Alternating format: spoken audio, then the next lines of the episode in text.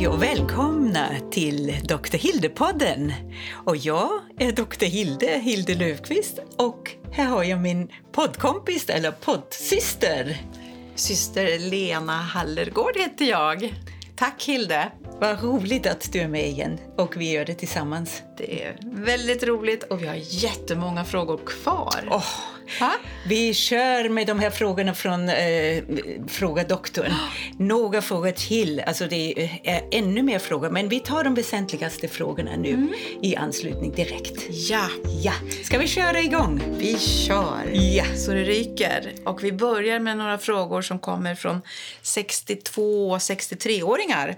Och jag börjar med frågan som heter Eh, som går så här. Är 62 och har använt östrogenplåster i cirka sju år.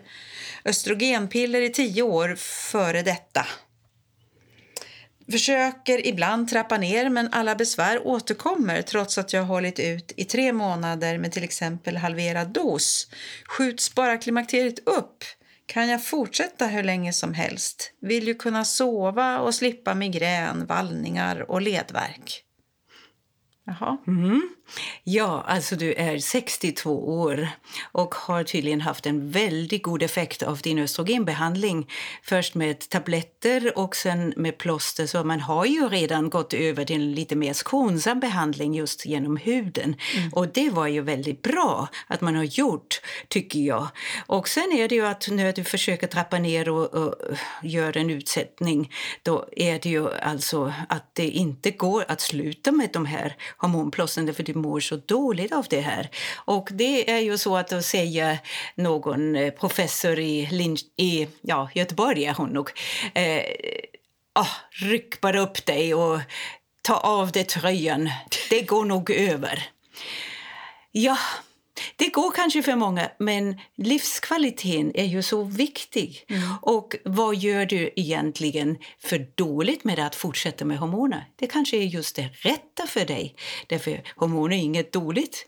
Det hjälper dig ju att hålla dig lite bättre i ja, humöret, i alla dina leder och vävnader. Vi har pratat så mycket om dessa goda effekter av hormoner så att det är absolut så att det låter för mig som att eh, fördelarna överväger och det är lugnt att fortsätta även i vad man nu säger, högre ålder efter 60.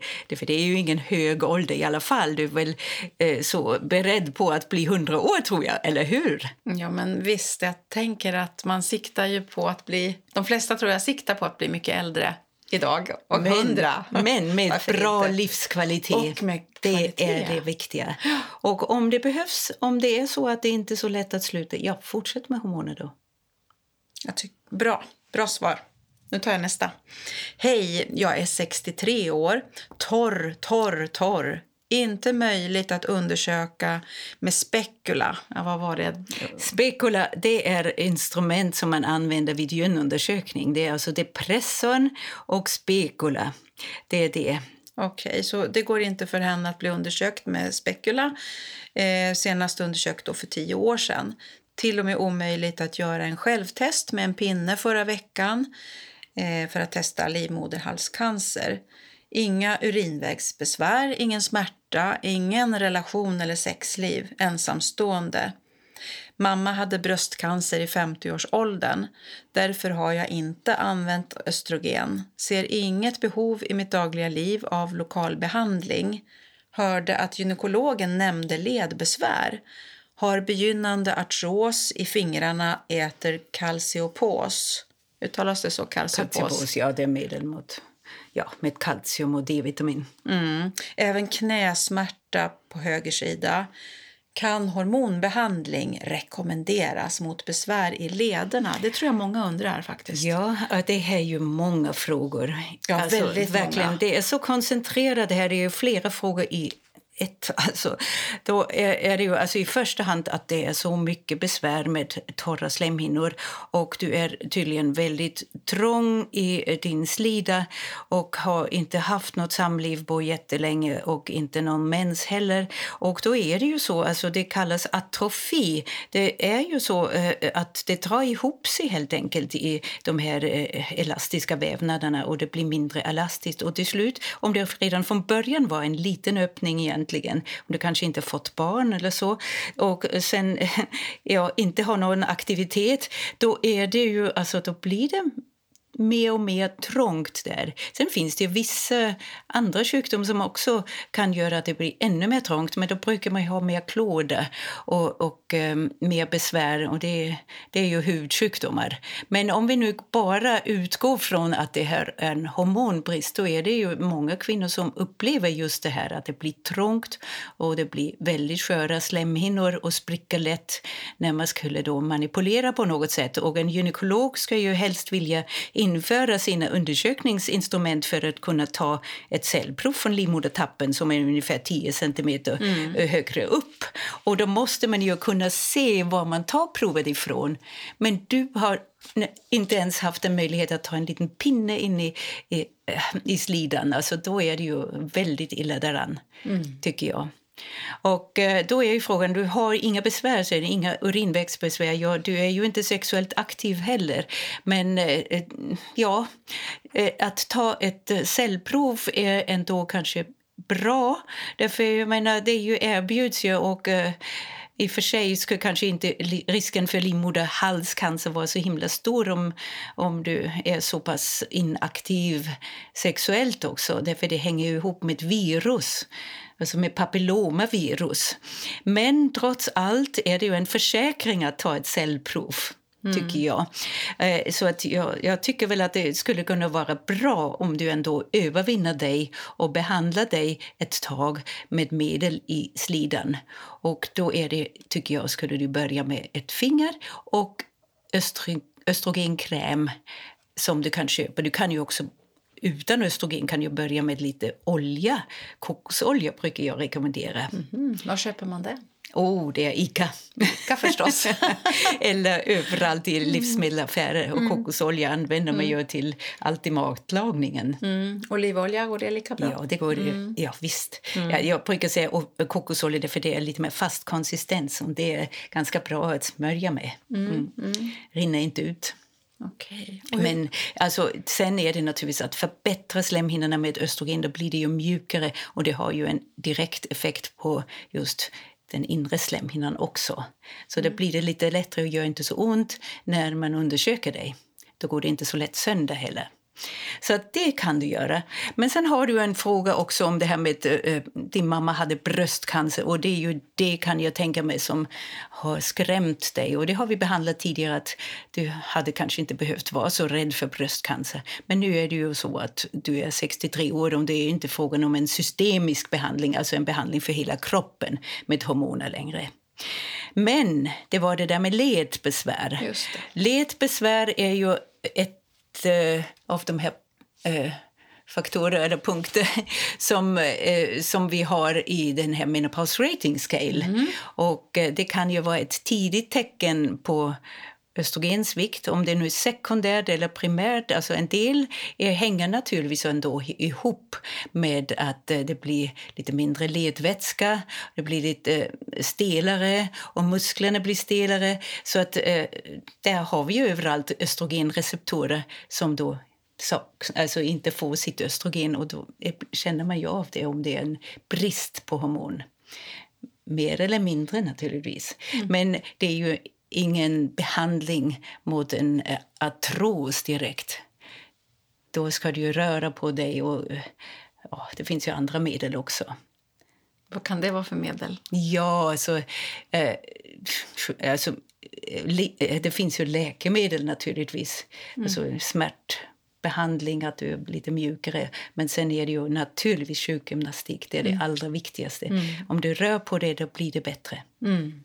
Ja, det kan jag intyga. Och i värsta fall är det väl naturligtvis om du har sågsvår artros blir det oftast operationer. Mm. Om man får en ny led. Mm. Ja. Jag tar nästa fråga. Jag är 59 och har många symptom på klimakteriebesvär. Ingen sexlust, en till. Torra slemhinnor, ont i leder. Vad ska man göra om man får jobbiga biverkningar av östrogenbehandling? Har fått både östrogen och testosteron och mådde jättedåligt av det. Finns det annan hjälp? Ja, nu säger du ju inte exakt vilken behandling du har fått. Alltså att bara säga att du har fått en östrogenbehandling, då antar jag att du har fått något av de här vanliga så kallade piller. Jag vet inte. Nej. Har man provat olika andra med medel? Alltså det finns naturligtvis väldigt många olika sorter och för vissa sorter är det ju mer känt med biverkningar och andra. Och sen är det naturligtvis väldigt individuellt vad du själv tål. Och eh, då har du kanske inte provat allt. Och så har du dessutom fått testosteron. Eh, och eh, det är inget fel att få testosteron, det är bara det frågan om det var just det du behövde.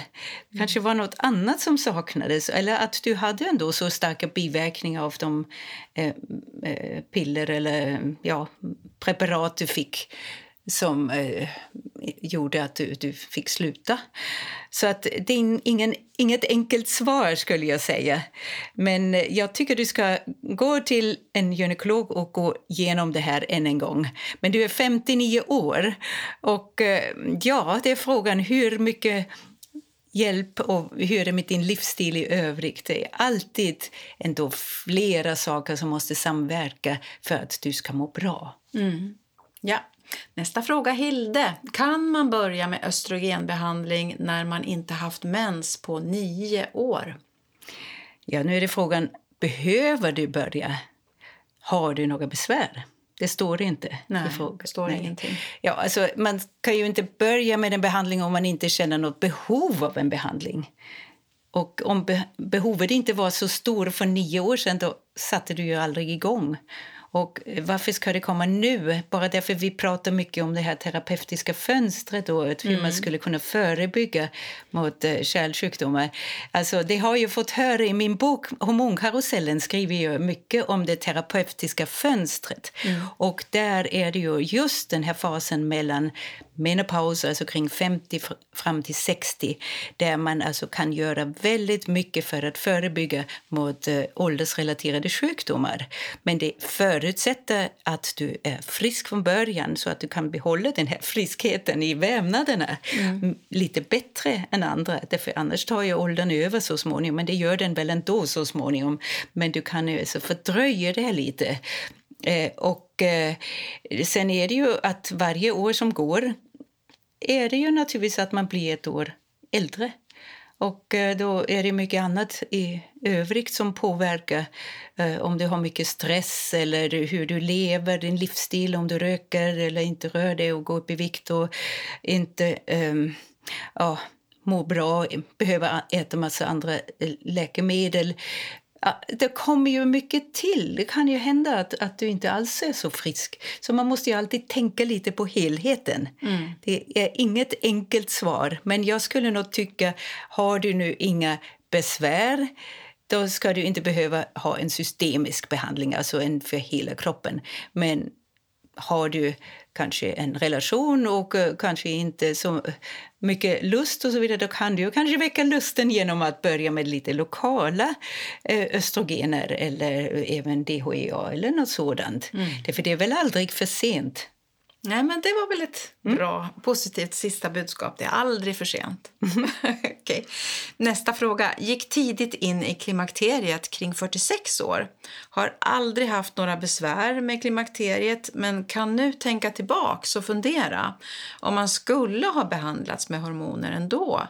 Finns det några nackdelar att inte ha behandlats med hormoner?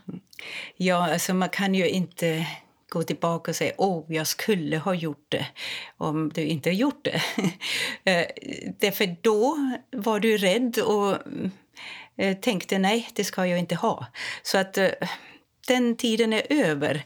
Men jag vet inte hur gammal du är nu, om det har gått 10 år eller om det har gått 15 år eller så. Men man ser ju alltså eh, nu hur du har det idag och man måste utgå från det här läget som du har idag skulle jag säga. Mm. Och då ska du gå till din gynekolog och undersöka eh, dig och eh, se om det är någonting som man kan förbättra. Mm. Man ska inte gråta över spilld mjölk. Det är bättre att liksom mm. se framåt och, och ja. göra det man kan ja. framåt. Ja. Låter det som. Det låter bra. bra. Nästa fråga. Vad menas med terapeutiskt fönster? Nu får du chansen igen, Hilde. Ja. är det ingen idé att starta för sent med hormoner och när är det för sent? Ja, det är så svårt. Det här eh, är ju naturligtvis ett begrepp, men det är ju ändå individuellt återigen. Alltså, jag kanske retar er lite mycket med det här individuellt, att det är lite svajigt. Men för man kan ju aldrig göra någon quick fix med det här. Alltså man säger att eh, behandla individen och då är det individuella förutsättningar alltså för den enskilde. Och eh, då har vi då det här med terapeutiska fönster. Det beror ju på hur frisk du är från början och hur frisk du är om du har väntat ganska länge. Alltså, det, det, är ändå vetenskap och dessa studier som visar att eh, det finns belägg för att du ska se till att hålla dina blodkärl så elastiska och friska och även din, din benstomme så att det inte eh, blir så mycket eh, ja, negativa effekter eh, som kommer med åldern. Och det börjar ju när hormonerna sviktar. Det har man ju haft ett samband, eller sett ett samband med just när äggstockshormonerna sviktar, alltså östrogenet försvinner. Mm. Så att ja, mitt svar egentligen här är ju... Ja, prata med din gynekolog. Mm. Ja. Nästa fråga. Hilde, finns det någon förklaring till varför vissa kvinnor dras med värmevallningar, svettningar resten av livet? Vissa är ju väldigt känsliga i den här receptorn där i hjärnan kan jag tro, som reglerar eh, temperaturcentrum alltså inte bara receptorn, flera receptorer där finns ju då. Där eh, östrogenbristen har en betydelse, helt klart. Men eh, det är ju så att eh, eh, vi har ju olika sätt hur vi kan kompensera detta. Och det kan vara andra orsaker till eh, svettningar och, och, vallningar. Det kan ju vara att det är eh, högt blodtryck eller att det är att man äter fel eller eh, stressar för mycket på kvällen. Och eh, övervikten, alkohol, alkohol absolut. Mm. Men eh, visst finns det kvinnor som lever hur sunt som helst och har jättemycket vallningar eh, i många, många år. Och då ska man ju ha hormonbehandling, klart. Mm. Skönt att hormoner kan hjälpa då. Nästa fråga då går vi till och det är vad ska jag göra om jag har enorma svettningar endast dagtid? Får ej inta östrogen efter bröstcancer. Ja, tyvärr. Jag är så ledsen över detta att det inte finns någon chans där att ge hormoner. Det är ju den enda kontraindikationen som det heter. Alltså där har vi verkligen eh, ett hinder att behandla med just östrogen. Eh, därför eh, just alltså östrogenberoende bröstcancerceller de växer ju till sig. Och det vill man ju inte ha. Och även om man är behandlad för en bröstcancer eh, och allt är frid och fröjd kan det vara någon enstaka vilande cell någonstans. Kan man inte ta ett lokalt eh, plåster eller ja, så? Då? Plåster är aldrig lokalt. Det är det som är problemet. Mm -hmm. Spray då? Ja, det är inte heller. Det är, alltså, det är en systemisk behandling. Alltså, även om det går genom huden är det även om det är skonsammare ändå något som påverkar hela kroppen, så det går inte. Men vad du får göra det är att behandla slemhinnorna i slidan, för det går inte ut i blodet så pass mycket. Och det är naturligtvis en diskussion mellan bröstcancerläkare och så, som kallas onkologer och då uh, oss gynekologer. Därför vi vill ju gärna behandla allt som går att behandla med hormoner och onkologerna säger nej, nej, nej, ingenting. Men då är ju stackars kvinnan som hamnar mitt emellan och mår dåligt och då får man ju hjälpa till. Och det finns alternativa behandlingar just mot vissa symptom. Alltså ena är ju det här med torra slemhinnor, då har vi tack och lov möjlighet att ge just östriolbehandling.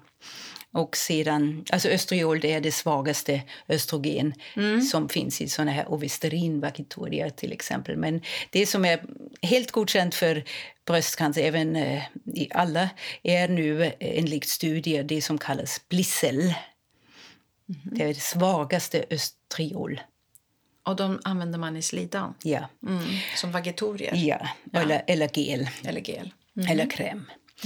Eh, sen eh, är det ju då för hela kroppen eh, tja, mot svettningar. Återigen har vi dessa svettningar. och eh, då visar det sig att eh, sådana här antidepressiva hjälper ganska bra. Jaha. Då är det ju till exempel de här som är alltså, som kallas SSRI eller även SNRI, alltså då Venlafaxin, Paroxetin. Ja, fråga din läkare. Det kan faktiskt hjälpa att du mår lite bättre och har mindre svettningar. Mm. Det låter ju skönt. Att Akupunktur ska man naturligtvis inte heller glömma. Alternativ. Eh, tyvärr har vi det där med växtbaserade medel. Det är lite olika i olika länder hur mycket det är tillåtet med eh, växtbaserade eh, medel som man kan köpa fritt på apoteket. Mm. Det, ja, det här med forskning och så vidare, jag tror inte det kan vara så farligt. Men ja, som sagt, jag är ju lite mer, jag är ingen on- onkolog. Onkologerna är ju då så vansinnigt strikta. Okej, jag tar nästa fråga. Fick sluta med östrogen på grund av bröstcancer. Har sedan 2018 haft vallningar med hjärtklappning i snitt 27 gånger per dygn. Jag motionerar dagligen och undrar nu om jag skulle kunna ta preparatet ni pratade om sist i programmet. Det är alltså programmet Fråga doktorn som man då hänvisar till. Innehåller även det östrogen. Är också orolig att min hjärtklappning påverkar min kropp. Mm. Jag förstår att eh, det här är svårt. Därför hjärtklappning är naturligtvis inte bra. Det ska ju vara lugnt och då ska du ju försöka med meditation och med allt det här att få ner det här. Alltså det, det, att du måste varva ner andning, yoga kan hjälpa dig väldigt mycket att eh, lugna ner dig ändå. Så det tycker jag, det kanske du använder dig av fel sport att du motionerar så mycket. Det kanske är tvärtom, att du behöver ha en annan sorts motion, alltså just det här med lugnande som ändå är väldigt bra för kroppen. Jag tror Lena, du har erfarenhet av yoga. Ja, Mm. jag kör yoga en gång i veckan just nu. Jag tycker det är väldigt skönt. Ja. Nu är ju både du och jag körsångare så vi brukar ju andas lite djupare med och tänker på stödet. Annars finns det ju människor som... Eller det är ju ganska vanligt att man bara andas i halsen. Men vi, vi körsångare andas normalt lite djupare ändå eftersom vi har lärt oss att använda magstödet. Men i yogan så går man ju ännu djupare eh, i, ner i kroppen och andas. Och det är väldigt skönt efteråt. ja. Mm. Men då nämner du något, det här med musiken. Ja. Alltså, det här är en hjärtesak för mig också. Mm. Alltså att eh, sjunga är ju något alldeles fantastiskt. För man blir glad och man glömmer allt möjligt annat också, alla, alla bekymmer egentligen. Ja. Och man har gemenskap. Det är Alltså, friskvård att sjunga, Ja, det är själavård. Och man, man kanske är trött när man går dit och sen efteråt flyger man därifrån och har hur mycket energi som helst, Ja. tycker jag. Ja, och det Ja. tycker jag, alltså det här, är- det låter flummigt men alltså det här är faktiskt riktigt jättebra. Att eh, tänk på alternativ. Fixera dig inte att eh, ta hormoner, för det går inte. Och inte heller det här som du skriver där om... Eh, ja, jag antar att du menar progesteron. Det vi pratade om, det som inte finns i Sverige, alltså, som man måste skriva ut på licens. Det har jag också haft patienter som kommer och frågar efter progesteron när de har haft bröstcancer, alltså att det är möjligt kanske behandla med det. Men tyvärr är även progesteron något som kan stimulera bröstet och bröstcancer. Alltså, det är inte, eh, inte godkänt, tyvärr, tyvärr inte. Så jag kan ju inte gå emot onkologerna där. Och eh, då är det att hitta alla möjliga andra saker som gör att livskvaliteten blir bra. Mm. Testa körsång, kanske. Eller yoga. Okej, Vi som behandlas behandlats för bröstcancer i låg ålder, under 45. Kommer vi kunna ta HRT, det vill säga hormonbehandling? Ja, det är ju samma sak här, tyvärr. Det är samma sak. Eh, låg ålder, jag menar, vilken ålder som helst, om det är bröstcancer, det beror ju på också vilken form av bröstcancer det var. Alltså, det är ju väldigt viktigt att diskutera eh, med eh, din gynekolog och kanske i samråd med onkolog naturligtvis. Det kan ju vara en cancer in situ där det inte varit någon riktig cancer än. Så att, och allt är borttaget. Och, alltså, det är att diskutera, tycker jag. Mm. Därför jag menar, där är du ju så ung. Och eh, ja, alternativa metoder kan naturligtvis också försökas. Mm. Jag tar nästa fråga, Hilde. Är desperat, kan inte sova om nätterna. Jag är 64 år, går snart in i väggen. Oj, alltså inte sova. Men du har inga andra besvär, det jag undrar. Det står inget om det. Det står Nej. ingenting. Och Bara- att, so att inte sova är ju tortyr, det vet vi ju. Ja, Eller hur? Ja, precis. Och då är det ju frågan, vad är det som orsakar nu dina sömnstörningar? Är det hormonella orsaker eller är det eh, psykiska eller sociala bekymmer? Är det att du grubblar mycket? Eh, Har du ångest? Eh, Är du stressad? Eller är det mycket andra konstiga ljud på natten? Kanske så att din man snarkar? Eller att det är för mycket ljus? Eller att du har värk i kroppen och andra sjukdomar. Därför då är det ju också svårare att sova när man väcks ständigt av smärtor. Mm, så att eh, nu är ju du för, för 64 år, eller? Eh, eh, då tycker jag alltså att eh, där skulle jag inte tro att det är vad det kallas bara hormoner. Det är mycket annat. Man måste ta reda på varför är det så och behandla detta. Mm. Ett tips om det är så att man, eh, nu är inte jag läkare, men ett tips kan ju vara att om man har väldigt mycket tankar i huvudet när man ska sova, att man skriver ner dem på ett, i ett papper och tankar ur dem ur huvudet. Vad bra. Och eh, det har jag testat i alla fall och då är det lättare att släppa de tankarna. Gör du det mitt i natten när du vaknar och inte Det- sover? Nej, det har jag faktiskt aldrig gjort mitt i natten. Utan jag, jag har det mer som en vana om jag har mycket att göra. Att jag skriver ner innan jag går och lägger mig. Ja, men det är ju bra. Det blir det som ett litet paket. Förebyggande. Ja, ett paket som du knyter ihop och sen tack så mycket. Det är väldigt bra. Och då, då kan du lägga det där åt sidan. Men om jag vaknar mitt i natten, det händer inte ofta, men då går jag upp istället för att ligga och vrida och vända mig. Det är bra. Och, och så sätter jag mig och läser eller någonting. Och Gör sen, du? Ja, om, jag, om jag är så pigg. Eh, eller så tänder jag bara ett ljus och kanske tar en kopp te faktiskt. Och en banan? Nej, det var Anna det. Inte jag. Okej. Jag skulle aldrig äta en banan mitt i natten. Men, ja, ja. Det finns ju, alla hittar ju sina knep, men man Ja. kanske kan hitta något som passar sig själv. Ja, Då. alltså jag tror också så här, alltså är det en kronisk sömnstörning, då är det ju en annan sak. Eh, då är det ju varje dag och du vaknar jämt och då måste man ju tänka att det kanske gräns, på gränsen till utbrändhet eller depression. Det är eh, tidiga tecken på just sömnstörningar. Och eh, det andra är ju tillfälliga rubbningar om du har tagit ett glas vin på kvällen och inte sover. Då är det ju bara att avstå från vin nästa dag till exempel. Eller om du har tränat mycket och rätt så sent, ja då är det så upp i varv i hela kroppen. Då, eh, ja, då kan du kanske inte varva ner och vakna på grund av det. Alltså det är tillfälliga störningar, men jag pratar mer om de här kroniska störningarna som, eh, där man verkligen måste göra något. Och det är inte bra att komma in i det här att, att ta sömnmedel. Om man inte måste förstås. Tillfälligt, okej. Men inte... Så den- så- Sen kanske man kan säga att en sak är jättebra, det är progesteron.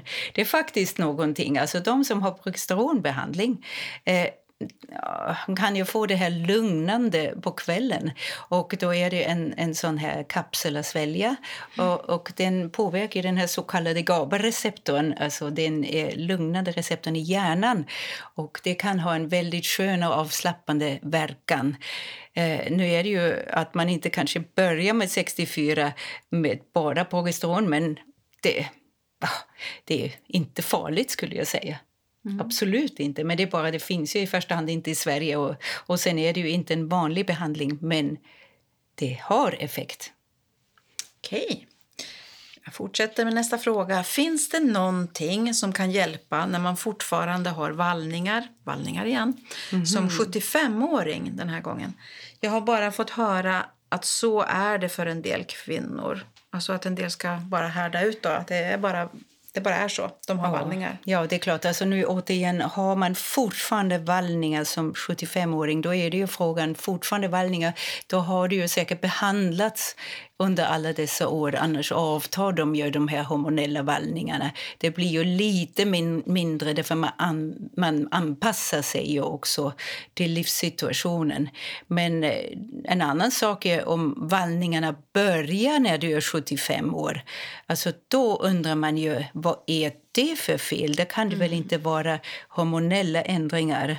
Just, hon hade fortfarande Fortfarande, ja. ja. ja. Är det frågan om hon har varit av och på hormonmedicinen. Eh, och då är det ju av och på, det är inte bra, då är det bättre att fortsätta. Mm. Tycker jag. Ja, jag tar nästa. Mm. Vi har två frågor kvar. Nu tar jag den näst sista. Hilde eh, tänker på ditt svar om mer gynnsamt för blodkärlen. Vad händer om jag inte äter hormon? Ja, alltså det här med att förebygga är ju alltid bra. Men eh, det är ju inte livsfarligt att inte ha hormoner i eh, högre ålder. För det finns ju kompensationsmekanismer i kroppen naturligtvis. Alltså tänk vad hade kvinnorna gjort annars? Alltså vi överlever ju väldigt, väldigt många år även utan hormonbehandling. Och då är det ju så finurligt att det finns ju ett hormon från binuren som heter DHEA som är väldigt bra tycker jag och eh, ger oss just källan till eh, testosteron och även till östrogen. Eh, och det, det finns ju även i fortsättningen, även om det minskar lite. Det är som en liten buffert? Alltså. Det är en liten buffert, ja. Mm. Och det har vi. Män har ju också DHA, men vi kvinnor har det. Och då blir det ju det viktigaste för oss efter menopausen, även om vi inte har hormoner. Så var inte så orolig, tycker jag. Och sen är det naturligtvis viktigt att det här med eh, att du sköter om dig, att du, du lever sunt och ja, den här livsstilen och inte röka och allt det här som vi tjatar om jämt och ständigt. Det är så pass många faktorer som påverkar din hälsa. Det östrogen eller hormonbehandling är naturligtvis en bra sak, men det är inte det enda. Mm. Okej. Okay. Oj, vad tråkigt. Nu är det bara en fråga kvar, Hilde. om jag inte fått hormoner i detta öppna fönster som ni berättade om, vad kan jag då göra för att undvika de sjukdomar som kan komma av att jag inte fått hormoner? Ja, alltså det här... Eh, jag menar ju att jag skulle ju inte skrämma folk. Alltså eh, att oj, har du inte tagit hormoner då blir det hemskt för dig. Det, så är det ju inte förstås. Men eh, du kan naturligtvis som sagt leva sunt och du ska ha rätt kosthållning, bra motion, sunt livsstil och eh, det är mycket annat som påverkar arv och miljö och eh, att du försöker undvika ja, alla dessa fällor som eh, äventyrar din hälsa. Eh, men det viktigaste av allt är ju ändå att vara harmonisk och lycklig, tycker jag, i alla åldrar, oavsett krämpor. Wow. Det är ju någonting som man vill, men det är inte alltid så enkelt. Eller hur? Nej. Nej. Nej, tänker jag. Men eh, visst. Ja, var och en har sitt sätt. Och jag tycker det var väldigt bra vad du sa det här med dagboken. Jag tycker det här att, att skriva upp dagbok på kvällen och eh, samla tankar. Det tycker jag är ett sätt att man eh, kan eh, känna att man ja, mår bättre av och eh, just ha, vara mer harmonisk. Och sen ta vara på allt det du har, alla dina eh, ja, vänner och eh, dina, all, all stöd du har och dina egna gåvor. Alltså, du har ju förmåga som du kanske inte ens eh, mobiliserar. Du kanske är väldigt duktig på att sjunga. Då ska du ju börja sjunga. Mm. Varför inte? Och eh, det finns så mycket annat. Eller gå ut i naturen och titta hur, hur fint det är och, och finna ro där. Mm. Så ens mindset kan vara viktigt. Att se Ja.